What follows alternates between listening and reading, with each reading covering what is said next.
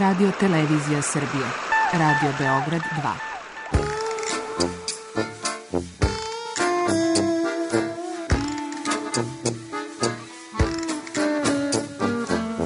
Rekli su mi, gospodine, vi ste promašili temu. Pa ja sam onda promašio život. I ne znam šta će da bude sam. Kaže, ja ne mogu više te čuvam. Šta da ti radi, kaže, snađi se kako znaš. Mi smo kao u kafesu. Za nas to je najmrtvo. To je mrtvo za nas. Naročito. I ja bih želela neko da me usvoji. Da bih želela. Govori da bih te video. Program dokumentarnog zvuka. Ko si, šta si, gde si, zbog čega i tako dalje. Mislim da je lakše izmisliti priču za alter ego, čitav istorijac, nego reći ko sam ja. Zar ne? Za Boga, to je sasvim vulgarno pitanje. Ne znam, ko- vi dajete sebi za pravo da ste? Markizi je to titula, očito, Markiza de Sada. A dekadenca je prosto kako mene ljudi znaju. Znate, moje pravo ime se izgubilo. Tako da ja svoje pravo ime ne bih otkrivala, zato što je ono misterija koja je um, teška pomalo. A to što me zovu dekadenca, jer to jesam. dekadenca, to sam ja. Ja ću vam reći etimologiju njenog imena. Možete pronaći tu informaciju sasvim jednostavno čitajući Stari Zavet. Da, da, priča o Sodomi i Gomori. E, odakle to ime potiče? Ha! Dok ja, na primjer, Markize de Sada, kao što je dekadenca bila ljubazna da kaže, to jeste moja titula, a dama se ne pita za ime kao što se ne pita ni šta? Godine. Ha! Da, da. Kako misliš ulaziš u drugu ulogu, kao bivaš druga osoba? M- Mislim, dobro, ljudi koji se bave glumom, koji se bave performansom, njima je to potpuno jasno, ali Ali mislim da svako ko se igramo različite uloge, mislim to je neka ono klasična, ono maltene poštapalica iz psihologije. Znam, sa roditeljima smo u određenoj ulozi, sa partnerima u drugoj, sa kolegama i koleginicama u nekoj pak trećoj. Tako da to, mislim, što bi rekla najmlađa Oscarovka Tatum O'Neill, we are all acting all the time. Beše jednom mladić jedan, jedini je bio moga srca vredan. Dekadenca, sećaš li se? Upoznala sam ga na jednom brodu koji udari u ledeni breg i potonu u vodu. Da li čuješ trube, Fernando? To mi para uši, ne volim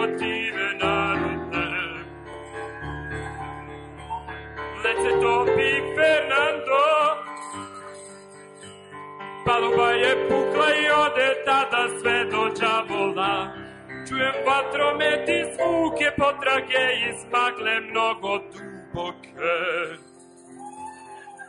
bar ovaj drag koji mi, do, koji se danas praktikuje i koji je danas popularan, to je taj neki uslovčeno anglosaksonski format, američki ili ti britanski, uh, koji se navodno mogli bi se reći da se razvio, ne znam, iz Šekspirovog pozorišta, gde je ženama bilo zabranjeno da igraju, da glume i onda su muškarci igrali sve uloge, pa među ostalom i ženske i tako je tu je jedna od teorija kako odakle potiče termin drag queen jeste da potiče iz Šekspirovog pozorišta.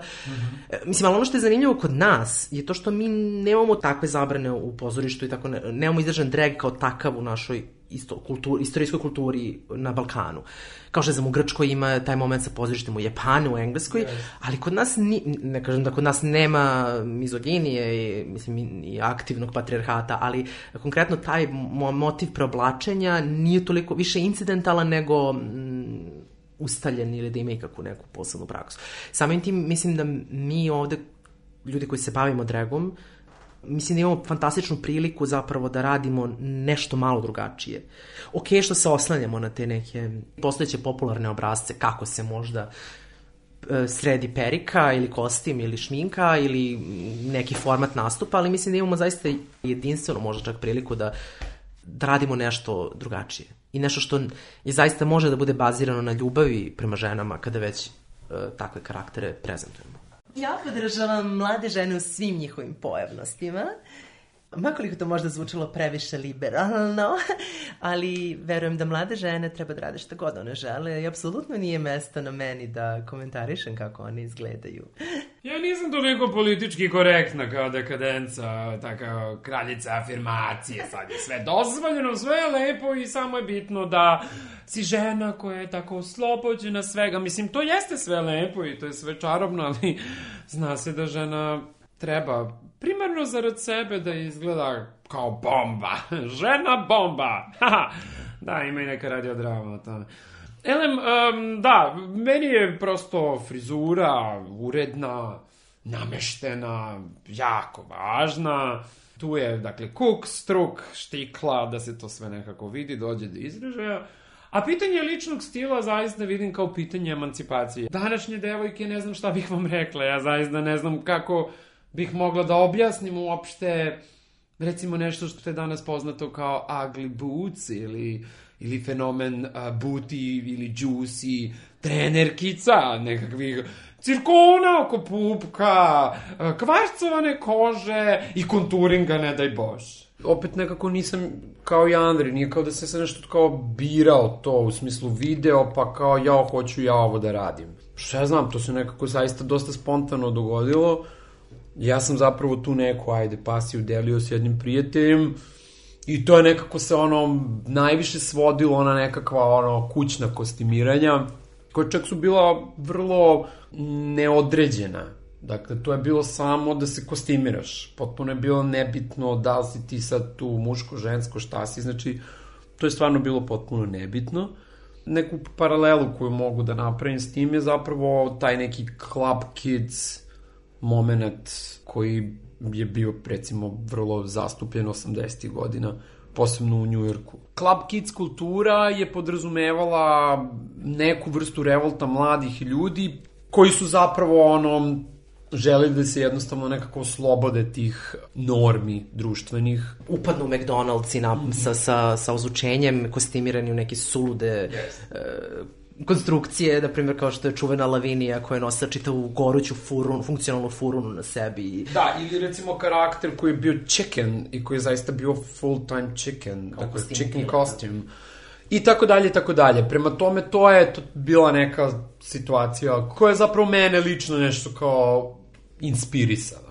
I onda je se dogodio i taj gledanje sasvim slučajno dokumentarca Wigstock. Dakle, Wigstock je drag festival koji je osnovala izvesna Lady Bunny, američka drag kraljica, i to je bilo potpuno otkriće, kao šta je ovo, šta su, ko su ovi ljudi, šta oni rade i tako dalje. I tako nekako sam ja počeo intenzivnije se zanimam za to i onda su jednostavno i krenuli ti neki nastupi. I na taj način se zapravo sa svakim sledećim tim istupanjem u javnim prostor se taj lik više i više i više i više i više gradio do te mere gde sad ona se pojavi, ona polako kao otvori sve te svoje čeljusti i proguta tu publiku. Mislim, kao jednostavno, sad, publika može da reaguje na nju na različite načine, ali jednostavno mene kao nekoga ko njoj ustupam svoje telo, mene to uopšte nešto ne zanima, mislim da nju tek ne zanima. Znate kako, evo ja vam mogu reći, meni je dobra cipela uvek najbitnije. Dakle, dobra cipela ženu može da učini još lepšom. Ja sam zbilja uvek tome pristupao kao karakteru. Me, mislim, da, okej, okay, evidentno je da su te karakteristike tog karaktera su bile evidentno feminine, dakle to nikako nije bio muškarac, nego opet neka žena, ali opet kakva to žena, neka karakonđula, mislim nije baš konvencionalna neka lepotica, dakle neka opet granična pojava, jel? Što po mom mišljenju drag jeste, dakle drag uvek nekako, bar ga ja tako idealistički vidim, je nekakav subverzivni faktor, u smislu da ti biraš ciljeno nekakav karakter koji svojim delovanjem na neki način remeti poredak. Markiza je više kao neka tako totemistička figura, mislim, nego što je zaista neka kao, pod znacima navodnika, realna žena, jer mislim nije. Ona ima i neki glas e, čudan i nešto stalno viče i na, napadna je. Nije, nije, nije, kako da kažem, nije tako tu se recimo dekadenca možda razlikuje, zašto dekadenca je jednostavno ono tako i slatka i draga i koketna, a ova pak to ne radi. Ova je stalno nešto ono na ivici nervnog sloma. Čime se dekadenca bavi? A, pa znate šta, ja sam, kako legenda kaže, jedna stara, stara kabaretska dama. Iskreno za sebe volim da kažem da se bavim pevanjem i glumom. Zaista gde bismo otišli kada bismo svi egomanijakalno uh, proricali sebi da smo glumice, pevačice, konceptualne umetnice i slično, nego nekako mislim da je to više na publici, na miloj, miloj publici da odluči i nekako da komentariše šta smo mi, možda, a na nama čisto da činimo i da stvaramo umetnost, zar ne? Dekadenca koja je kao karakter u, u mojim mislima, koja je kao karakter nastala još negde pre 2012. ali se prvi put otelotvorila 2012. u musiclu Chicago u Le Studija. Ona se u početku razvijala kao taj neki skriptovani karakter. Ja sam nju zamišljao kao kabaretsku pevačicu u Vajmarskoj Nemačkoj. Eto, ta Vajmarska Nemačka je neki motiv koji se dosta provlači. No, dakle, dekadencija je bila ta neka kabaretska pevačica u 45 godina, što su idealne godine za ženu. I to je neki narativ koji sam ja dosta ponavljao. Velika, moja velika inspiracija za dekadencu i generalno u životu je uh, musical kabare, posebno filmska verzija sa Liza Minnelli. Dolazim iz nekog pozorišnog zaleđa I dakle, kroz to pozorište sam imao priliku da igram jednu žensku ulogu u, u pozorištu Le Studio, nezavis, nezavisnom um, malom alternativnom pozorištu, gde sam igrao ulogu mame Morton u musiclu Chicago i nekako iz tog konteksta, iz tog nekog kabaretskog miljeja koji mi je jako zanimljiv, se razvije taj moj karakter, taj moj alter ego dekadenca. I da se vratim na ovaj moment kao kako predstaviti sebe, nekad je lakše predstaviti neke karaktere, deluju čak realnije nego prosečan čovek, kao što smo mi, kojeg možete vidjeti na ulici. Te neki sitni tikovi su ono što zapravo čine i to kako stojimo, kako, dr, kako se držimo i uh, da ko se dešava da ljudi koji, na primjer, ne znaju uopšte ko je dekadenca, uh, da nisu, nemaju predstavu da to neki Andrej stoji za to karakter, nego da misle da to prosto neka osoba, zaista osoba za sebe. Kako ona sedi, kako ona stoji. Mislim, to su stvari kojima sam isto tako jako dugo promišljao sa ciljem da nju učinim što življom, što stvarnijom, da bi prosto mogla da postoji. Ona se upravo vratila iz Istanbula, znate, ona je tamo u nekom smeštaju. Mm, Čadaraman nastaneši, ti ti dam leda. Da, da, ima kao neke nastupe tamo, kao nešto radi, peva, žena, pevačica, samo takva, da, da. Ja, na, s druge strane, zaista imam zgusnut plan i program. Um, svakako krećem prvo od buđenja, zatim je tu ulepšavanje koje traje u proseku između 2 i 3 sata, onda jedan jako fin doručak, zatim kafa i onda mogu aktivnosti da počnu. Onda je obavezno tu neki lagani brunch, znate kako od nove ide. Posebno ako mi je tu neka prijateljica iz daleka došla, onda se njome bavim, voda mi na sve strane. Taj karakter koji se zove Markiza de Sada pojavio se 2010. Mislim, referenca je vrlo jasna, dakle, to je, dakle, Markiz de Sade, čuveni francuski pisac. I onda jednostavno taj lik nekako krenuo je od tog imena da živi neki svoj život pa je ona u startu pretendovala da bude neka domina sa nekim korbačem i u nekoj koži i tako dalje. Međutim, onda je ona postala neka tako pa kao neka aristokratkinja otprilike, ali mislim vrlo onako šizofrena jedna aristokratkinja, to stoji između ostalog i u opisu njene biografije da, da je ona zapravo bastard kako kaže, nemačkog revolucionara. ruskog revolucionara i nemačke aristokratkinje. E sad, mislim, Markiza prvo je bila vrlo najban jedan karakter, tako, koji se samo negde pojavio, imao je to ime i tu nekakvu biografiju. Bilo je potrebno da prođe neko malo duže vreme kako bi se taj lik zaista formirao. Kad kažem formirao, da, da nekako da se negde dođe do nekog ono psihološkog profila tog karaktera. Da taj karakter više nije samo skica nego da zaista krene da živi neki svoj život i da onog momenta kada ja napustim sebe i predam se njoj, da se tako izrazim, da mene zaista tu malo ima. Mislim, kako god okreneš, mentalno switch off.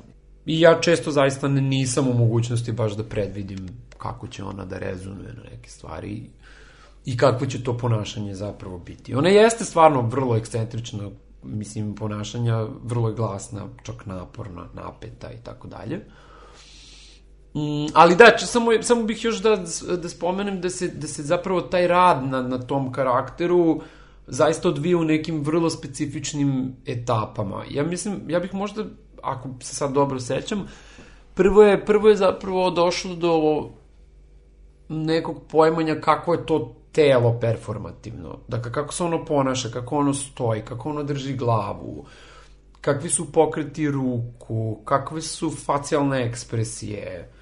I to je, to je trajalo neko vreme, mislim. Onda bar, u, ne znam, u, sluč, u, u mom, ajde da kažem, slučaju, onda je došlo, onda je došlo i promišljanje kakav je taj njen glas, kako ona govori, mislim. Jer ne može ona da govori apsolutno, mislim, ne može ona da govori istim glasom kojim ja govorim. To je bar moja vizura. Lepo, lepo, da, da. Ja sam voljela da budem na brionima. Hmm. Oni jeleni. Znaš one moje rukavice? Znam, znam, one, one vozačke. One vozačke obožavam. E, pa to je od brion, brionskog jelena. ha, da, da. Verujem da si ga i sama ulovila. Znate, Markiza je vrlo vešta sa samostrelom. Društvo je zapravo vrlo represivno i vrlo je poželjno potiskivanje bilo kakvog traga femininosti. No. Uh, što mislim da nije slučaj sa uh, situacijom u kojoj je recimo neka žena maskulina. To je manje, manje bitno. To se ne, tome se jednostavno ne pridaje nikakva važnost. Dok, ukoliko imamo muškarca koji je feminin, to jednostavno nije poželjno i pomogu i, ja, i poželjno je da se otkloni, jel? Mislim, i žene koje su feminine i koje uh, svesno i tendencijazno praktikuju svoju femininost yes. su pod lupom i yes. pod konstantnom kritikom. Yes. U krajnjoj liniji možemo da vidimo kakav je odnos prema ženama u savremenom trenutku kroz medije i načinima na koji se zapravo in, uh, instrumentalizuje žensko telo i ženskost uopšte. Znači, bilo kakva reprezentacija, reprezentacija upravo feminiteta sad kogod bio koje god bilo telo koje reprezentuje taj feminitet, muško ili žensko, to jednostavno nije poželjno. Da, ti si jako dobro to zapravo rekao, da, da, da, da se apsolutno ista stvar odnosi i na žene.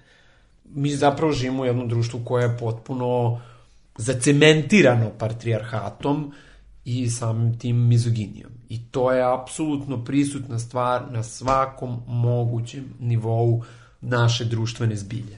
Ja mislim da bi bilo malo pretencijozno reći da zaista e, time što ulazim u tuđe cipele mogu da znam kako je biti to, kako je to osobi da bude to što jeste.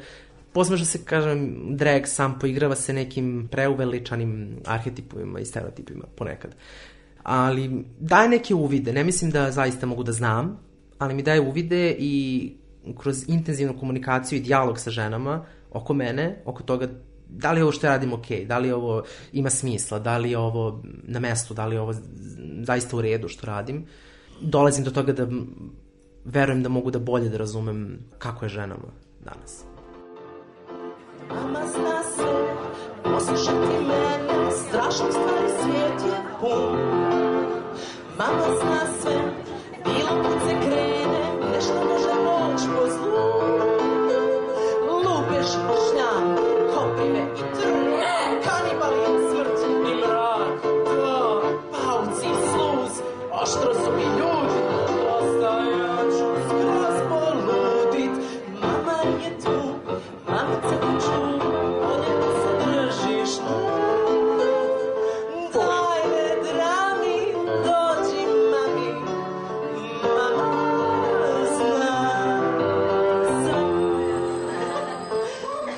Ja mislim da jeste bitan kontekst u kom se pojavljuju ti karakteri za njihovo pojavljivanje. Ja prosto nemam tu neku ličnu potrebu da prezentujem taj karakter sam sa sobom, nego on je, nastaje kroz interakciju sa drugim performerima, sa publikom, ali e, bitan je kontekst. Jer ovako van konteksta, mislim, prosto među ljudima koji se bave dragom ima različitih ljudi, različitih rodnosti, polnosti, orijentacija i svega, e, među kojima pretpostavljam da ima ljudi koji prosto istražuju svoje neke rodne, polne, seksualne identitete kroz to. Za mene je to jedan performativni karakter i društveno aktivan i sam tim da bi nešto bilo društveno aktivno i performativno zahteva interakciju s publikom, zahteva interakciju sa javnim prostorom, kakav god on bio, a nije nešto što ja sprovodim zarad svojih nekih nužno ličnih um, istraživanja. U mom slučaju je taj karakter, da, okidač mu jeste javni prostor. Mislim, ja kod kuće nje ne vidim. Ona je spakovana negde, mislim. Pa realno, mislim, zaista nemam, prosto postoji njeno vreme i njen prostor. Ja njoj često aplaudiram koliko mi vremena oduzme. Za razliku od Markize, koja nije baš toliko skromnosti sklona, ja sam prosto zaista zahvalna na svakom vremenu koje provedem u javnom prostoru. hvala, hvala. Hvala na pozivu. Da, Znate, da. dekadenca je kao vekna hleba.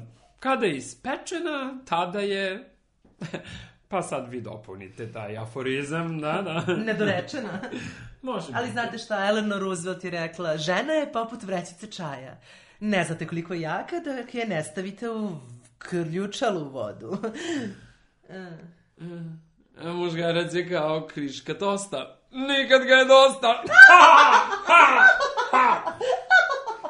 Shvatio sam prosto da mi je zanimljivo da istražujem i, i svoje velike ljubavi prema ženama i žene koje su oko mene celog mog života su mi velika inspiracija i ne samo u smislu u svakodnevnom životu, poput moje majke ili ne znam nekih prijateljica, nego te velike hollywoodske i brodvijske dive koje su moja velika inspiracija. Kao što kaže, one su život, one su veće od života, one su prosto ikonične neke žene, neki karakteri. One, to su, na primjer, te žene, te glumice, one e, isto su razdvajale svoje privatno od tog nekog javnog karaktera. E, Mogli bismo reći da su one zapravo radile drag. To, to, to jeste oblik draga, apsolutno. A, a, na primjer, dekadenca skoro uvek crta mladež na istom mestu i to je ne samo omaž Gloria Swanson, na mestu gde Gloria Swanson imala, to nije samo omaž njoj, nego i, ne znam, uh, Mel Brooksu i njegovom musiclu, predstavi, filmu, predstavi i musiclu producenti, gde ima scena kada jedan karakter treba da izađe pošto ima predstavu u predstavi, treba da izađe na scenu i onda neki drugi karakter kaže čekaj dragi, i kao pek, skine mladež za svog lica i kaže ne zaboravi, srećni mladež Gloria Swanson i nalepi mu na, na, na, na, bradu gde Gloria Swanson imala mladež. Kao što je recimo za mene lično, eto, to je kao neka moja ono večita fascinacija, doživotna fascinacija, pretpostavljam. To je ovaj Rita Hayworth u ulozi Gilde. Prosto način na koji se ona kreće, kako ona peva, kakva je njena frizura, kakva je svaka njena kombinacija u tom filmu. Ne znam, mislim, ima primjera dosta. Tu je kao Liz Taylor u ulozi Kleopatre. Zaista ima Lauren Bacall u svakoj ulozi. Dakle, zaista, o, o, Bet, o Bette Davis i, mislim, John Crawford nećemo ni da govorimo. To su, mislim, one inače, to je opšte poznato. One su, dakle, zaista neke ikone, ne samo kempa i, i drag zajednice, već jednostavno ono, kao često se, često se one uzimaju kao neke ikone, kao ne znam, kao gej ikone, jel? Upravo zbog te svoje neke čeličnosti, nedodirljivosti, dramatičnosti i tako dalje. Ja smatram da je skromnost jedna deblazirana kategorija. Bolje je pričati o idolpoklonstvu, to je daleko preciznije. Ja jesam dosta privatna, ali znam da tamo negde duboko u prašu mi postoji kip s mojim likom, da, da. Znam, znam, jedan veliki majmun se borio srdito oko mog lika. Pa šta da vam kažem, snimljeni su razni filmovi o tome, a vi se zapitajte koji su. Ha, ha, ha! Da, da, da, taj majmun se borio zato što je taj kip ličio na njegovu majku, tako da vrlo je jasna ta priča. Pa čovek jeste postao od majmuna. da, pa... Ali da li je? Možda je čovek postao od drag kraljice. Kada se bavim dragom i kada izlazim na tu scenu i nekako mislim da svako treba da se zapita zašto to radi i koja je njihova motivacija da izađu na tu scenu i da izađu pred tu publiku i da nešto predstave. Za mene kada nemam neku nužnu političku ili umetničku agendu, na kraju dana ono što mi je bitno i nekad možda čak i dovoljno, jeste da zabavim ljude. Da budem, što se rekla, entertainer. E, prosto volim da zabavim ljude. Ako je to ako ništa, bar to. I samim tim to prezentovanje iluzije je ono što ljudima od uvijek bilo potrebno. Ljudima su potrebne iluzije, potrebno im je nešto što je izvan, iznad i nešto što je možda negde i nadrealno i potrebno je da bi hranilo dušu ljudima. I ako posmatramo drag i kada je najogoljeniji na nivo tog čistog zabavljačkog elementa mislim da može mnogo da pruži i sama, i tama, sama ta iluzija koju prezentujemo može da bude nešto predivno i nešto magično ljudima. Ajde sad da probamo da prebacimo taj drag na nekakvu priču o slobodi ili pak o oslobođenju. I ja mislim da zapravo manifestacija kao što je čuveni festival u Rio de Janeiro jako dobro ilustruje šta drag ili naprosto neki oblik kostimiranja svakom pojedincu mogu da znače. Sad ne pričam, sad malo izlazimo izvan okvira draga kao neminovno performativnog izraza, ali naprosto draga uh, kao, sad ja ovo nekako interpretiram na vlastiti način, draga kao potencijalne aletke za neku društveno-političku emancipaciju. Uzmimo, na primer, maskimbal, situaciju maskimbala. U najvećem broju slučajeva ljudi kada odu na maskimbal se uvek kao ne znam kako ludo provedu, a ja tvrdim da je to samo zbog toga što su obukli garderobu, pozajmili identitet nekog drugog i na taj način se oslobodili. Ja znate vi da ja pišem? Ja znate vi bilo šta o meni? Da li vi znate šta sam ja sve u stanju da postignem? Pa kako Silvija Plat, ta bednica se ubila u Rerni? A ja? Meni ni ne treba Rerna, ja samo pišem.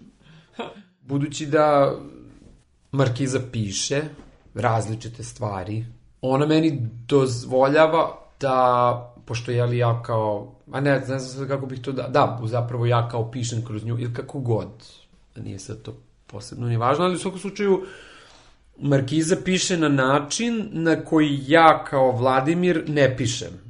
I u tom smislu je Markizino pisanje za mene neka vrsta oslobođenja. Dakle, ima taj oslobađajući opet neki efekat, jel? Mislim, naravno da je tu i taj performativni učinak. U smislu kada se ona pojavi, kada govori, kada zapravo uspostavlja neku vrstu interakcije ne samo sa publikom, nego i sa njenim drugaricama, jel? Što se tiče dekadence, ona je daleko ekstravertnija od mene i nekako fluentnija je u interagovanju s ljudima i u komunikaciji. Ja sam privatno, prilično introvertna osoba, što možda ljudima koji me poznaju na prvu loptu i nije toliko jasno kada kažem, ali u smislu e, sa prijateljima sam naravno vrlo pričljiv, ali to, to je naučena ekstravertnost u mom slučaju, a što se, koju ja apsolutno mi je korisno da kanališem kroz dekadencu. I ta flamboyantnost u pojavi i ti kostimi i sva ta neka, to neko preterivanje u ekspresiji, bilo to kroz interakciju ili kroz samu pojavnost, je ono što meni dekadenca pruža, a što nekako Andrej onda može da ostane privatno za sebe i da bude svoj. Ja što se tiče stila, prosto, znate, nekad preferiram te tako dugačke haljine i da budeš što šljokičavije, samo da se šljašti, jer prosto glamura nikad nije na pretek. Nekako... Ani cirkusa dekadenca. Svakako, život je cirkus. Nekad prosto volim nešto što je malo uže i funkcionalnije, jer prosto volim da se njiham. da, njikaš, da, da. Svako može se zove dragom i nema veze sa pojedinačnim nekim um, kategorijama u koje ljudi stavljaju svoje identitete, kao što je, znam, žena muškarac, kao što je gay straight, kao što je trans, transvestit, transrodna osoba. Mislim, e, na stranu što se dešava, dakle, prosto u društvu u kojem živimo i na nekim našim privatnim situacijama, znaš, ljudi mešaju te neke termine, kada je transvestitizam u pitanju, kada je transrodnost, transseksualnost i na sve to sad ubaci se neki drag, koji je jedan hobi, jedna kategorija za sebe na način umetničkog izražavanja koji nema nužno veze sa nekim ličnim identitetom. Tangentno je, koegzistira, referentno je jedno na drugo, ali nije nužno u istoj kategoriji. Mislim, dragom se bave, kao što smo već rekli, i žene, i muškarci, i gej, i trans, i mislim, nije uopšte ni na koji način posebno u našem kontekstu, u lokalnom kontekstu, nije eksplicitno vezano, ne znam, za LGBT pokret i za uopšte kao neku našu performativnu scenu. Više incident, nije da se nije dešavalo, bilo je primjera dosta, ali je preincidentalno nego što je neka kontinuirana praksa. Tako da, drag je, evo da još jednom ponovimo, drag je umetnička forma, dok su neke druge stvari, stvar nekih identitetskih odrednica ili možda čak pre kategorija u koje ljudi po potrebi ili nuždi sebe svrstavaju. Nije mi za ni ove kolače koje si umesila. da, da, cijelu noć sam probdela nad kuhinjom i šporetom. Mm, oblande najviše volim, posebno kada su onako prelivene nekim finim karamelistim kremom, ala brule. Ja volim tako da ih slažem, onako, tjup, tjup, tjup, tjup, jedno na drugu. Ja sam u dom.